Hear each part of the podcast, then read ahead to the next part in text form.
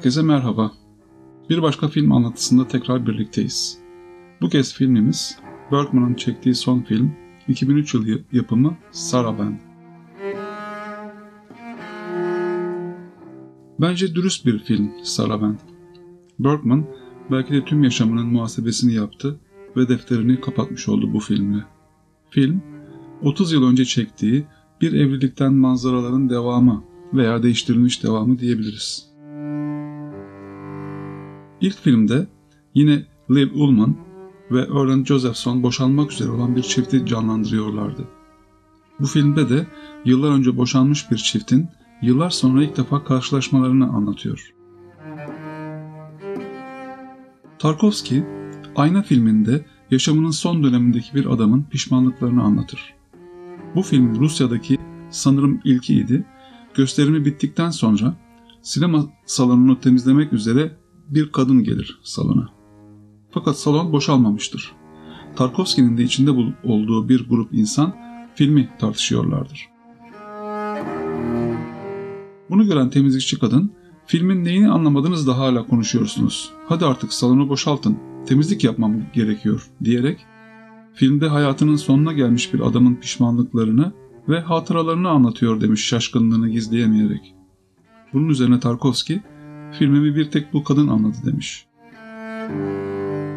Benzer şekilde Saraband filminde neredeyse baştan sona insanların geriye dönük hesaplaşmaları ve muhasebeleri gösteriliyor bize. Filmlerini bize bir roman veya tiyatro oyunu gibi sunmayı seven Bergman, bu filmde de bunu yapıyor ve filmi 10 perdeden oluşan diyaloglara bölüyor. Hatta filmin bir iki dış çekimleri hariç hepsi stüdyoda gerçekleştiriliyor. Pencereden görünen ağaç ve çiçeklerin camlara yapıştırılan resimler olduğunu anlayabiliyorsunuz. Bunu bile gizleme gereği duymuyor Bergman.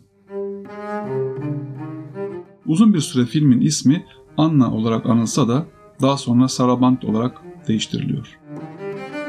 Saraband, orijini Güney Amerika olup barok dönemde Avrupa salonlarında oynanan erotik bir dans çeşidi. Ayrıca Bach'ın tüm cello suitlerinde bir saraband vardır. Film, bir anlamda Bergman'ın en kişisel işidir diyebiliriz. Film boyunca sadece fotoğrafını gördüğümüz Anna, gerçekte Bergman'ın kanserden ölen karısı Ingrid'dir.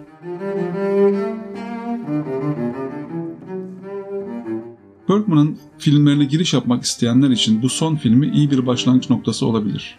Çünkü önceki filmlerinde gördüğümüz birçok durumu bu filmde toplamıştır Bergman. Çocuğa zarar veren anne baba çatışmaları, Bergman'ın çocukluğunda yaz aylarında gitmeyi çok sevdiği ev ve onun manzarası, ebeveyn problemlerinden yorgun düşmüş kız çocuğu, acı içindeki baba veya erkek figürü, despot baba, üstü kapalı enses ilişki ve bunun gibi birçok durum veya olay bu filmde işlenmiştir.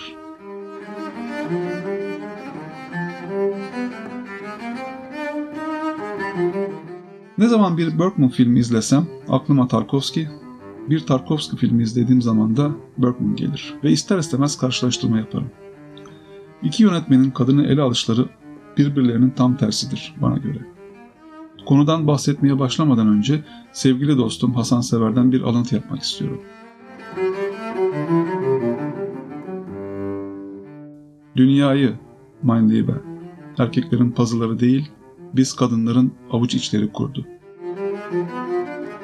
Bergman'ın kadınları güçlü, erkekleri problemli ve zayıftır, muhtaçtırlar. Tarkovski ise kadınların zayıf ve erkeğe hizmet için yaratılmış varlıklar olarak gösterir. Yalnız parantez içinde söylemeden edemeyeceğim. Tarkovski en beğendiğim yönetmendir bu arada. Konumuz Bergman, filmimiz Saraband. Filmi formatından dolayı ve aslında bir kitap okur veya bir tiyatro oyunu izler gibi takip ediyorsunuz. Bergman yaklaşık 60 yıllık sinema kariyerini bana göre mükemmele yakın bir performans ile kapatmış oldu. Tabi Liv Ullman'ın oyunculuğu ise filme apayrı bir güzellik katıyor. İlk podcast'te filmin içeriğine dair fazla bilgi verip spoiler yarattığımı düşündüğüm için bu ve bundan sonraki film anlatılarında bunu yapmamaya çalışacağım.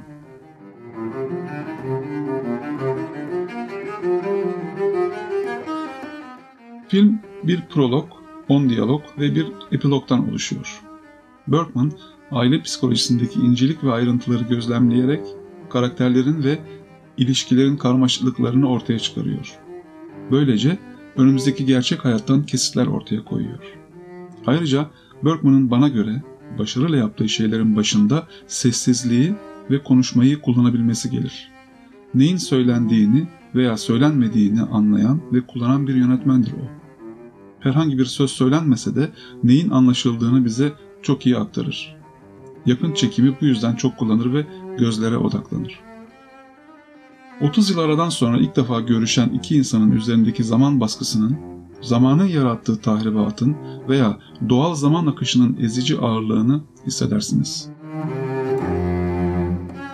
Kadınların tüm bağışlayıcılığı ve karşısındaki insanı anlayan davranışları yanında benim bir sinema filminde gördüğüm en çirkin baba oğul nefretine şahit oluyoruz.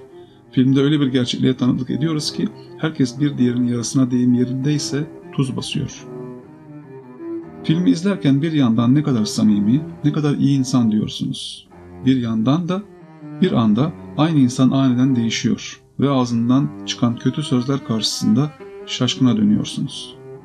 Marianne ve Henry'in kilisedeki konuşmaları böyle sonuçlanıyor örneğin.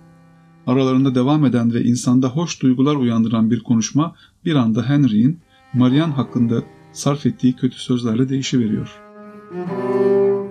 Burada Henry karakterine ayrı bir parantez açmak lazım. Çünkü Bergman bence bu karakterle kendi çocukluğunda baba baskısı sonucu yaşadığı deneyimleri bize aktarıyor gibidir.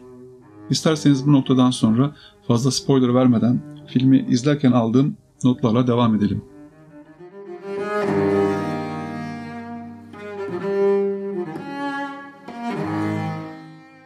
Daha önce dediğim gibi film bir prolog, on diyalog ve bir epilogdan oluşuyor. Girişte Marianne'yi fotoğraflarla dolu bir masanın başında görüyoruz. İnsan ara sıra eski fotoğrafları karıştırmak ister. Marianne o anlardan birini yaşıyor, düşüncelere dalıyor. Elimizin altında akıllı telefonlar ve diğer modern cihazlar olmadan önce bunu bir tören havasında yapardık.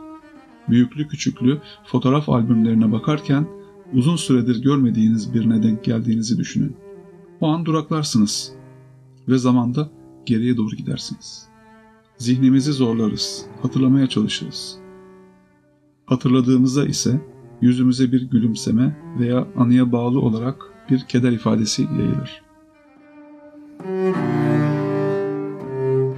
Marianne'de bunu görüyoruz ve bir anda yıllardır hatta boşandıklarından beri görmediği eski kocasına bir ziyaret planlıyor. Sonrası birinci bölüm.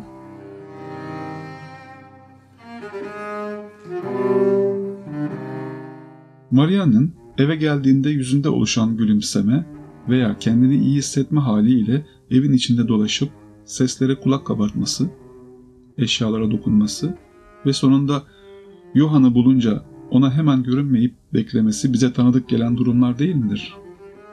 Bu diyalog Marian ile Johann arasında geçmişi yakalama ve içinde bulundukları durumu anlatma amaçlıdır. Marian anlatır ama bana göre dinleyici kendisidir. Çünkü Johann'ın anlattıklarını hissederek dinlediğini görüyoruz. Birbirlerini yıllardır görmeyen iki insanın karşılaşması gerçekten böyle olur diyor insan.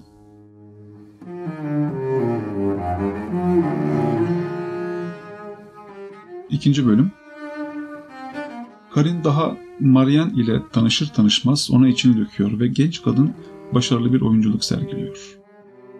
Sonrasında ise Maria'nın geçmişe giderek hüzünlenmesine, Johann'ı hala sevdiğini söylemesine tanıklık ediyoruz.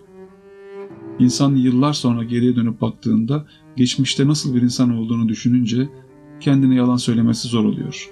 Marian eskiden ne kadar naif, ne kadar çocuksu olduğunu söylerken yüzündeki ifade Bergman'ın insan yüzünü nasıl ustalıkla kullandığını bize gösteriyor.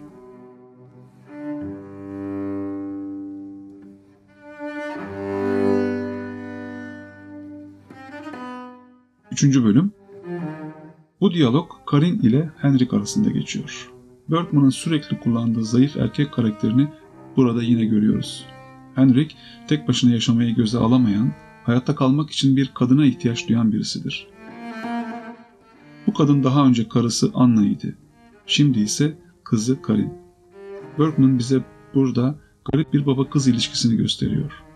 Aralarındaki ilişki sanki ensest unsurlar içeriyor hissini duyuyorsunuz ama bir yandan da yaşananların Henry'in zayıflığından kaynaklandığını düşünüyorsunuz.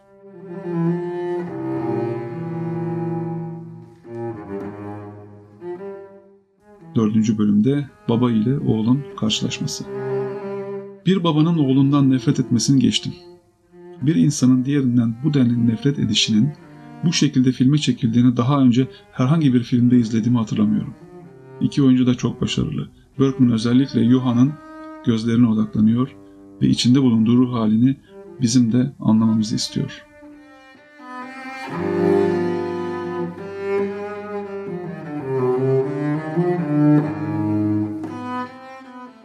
Beşinci bölümde Marianne ile Henrik karşılaşıyorlar. Bir insan ne zaman iyi, ne zaman kötü olur? Karşımızdaki insan bir anda içindeki kötüyü ortaya çıkarırsa ne yaparız?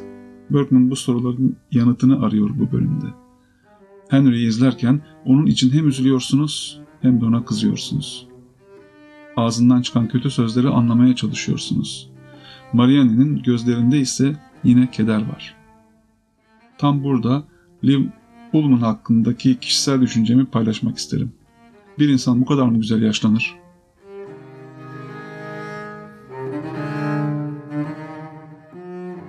Altıncı bölümde Karin'in büyük babası Johan ile buluşması gösteriliyor bize. Filmdeki hemen herkes hayatta eksikliğini duydukları şeylerin izini iki yıl önce ölen Anna'da arıyor. Onda umut arıyorlar. Huysuz ihtiyar Johan bile Anna'nın resmi karşısında tüm sert görünüşünü kaybediyor ve onu acı verecek şekilde özlediğini söylüyor.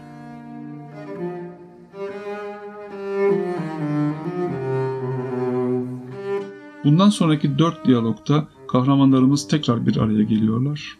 Ama son diyalogdaki Marian ve Johann'ın karşılaşması iki insan içinde benzer duygular yaşamalarına sebep oluyor. Johann'ın daha önce bize sunulan özellikle Henry'in gözündeki bir tanrı rolünden bir anda insan seviyesine inişine tanıklık ediyoruz. Epilog ise başlı başına bir Liv Ullman performansı. Onun duygu dolu monoloğu ile film bitiyor.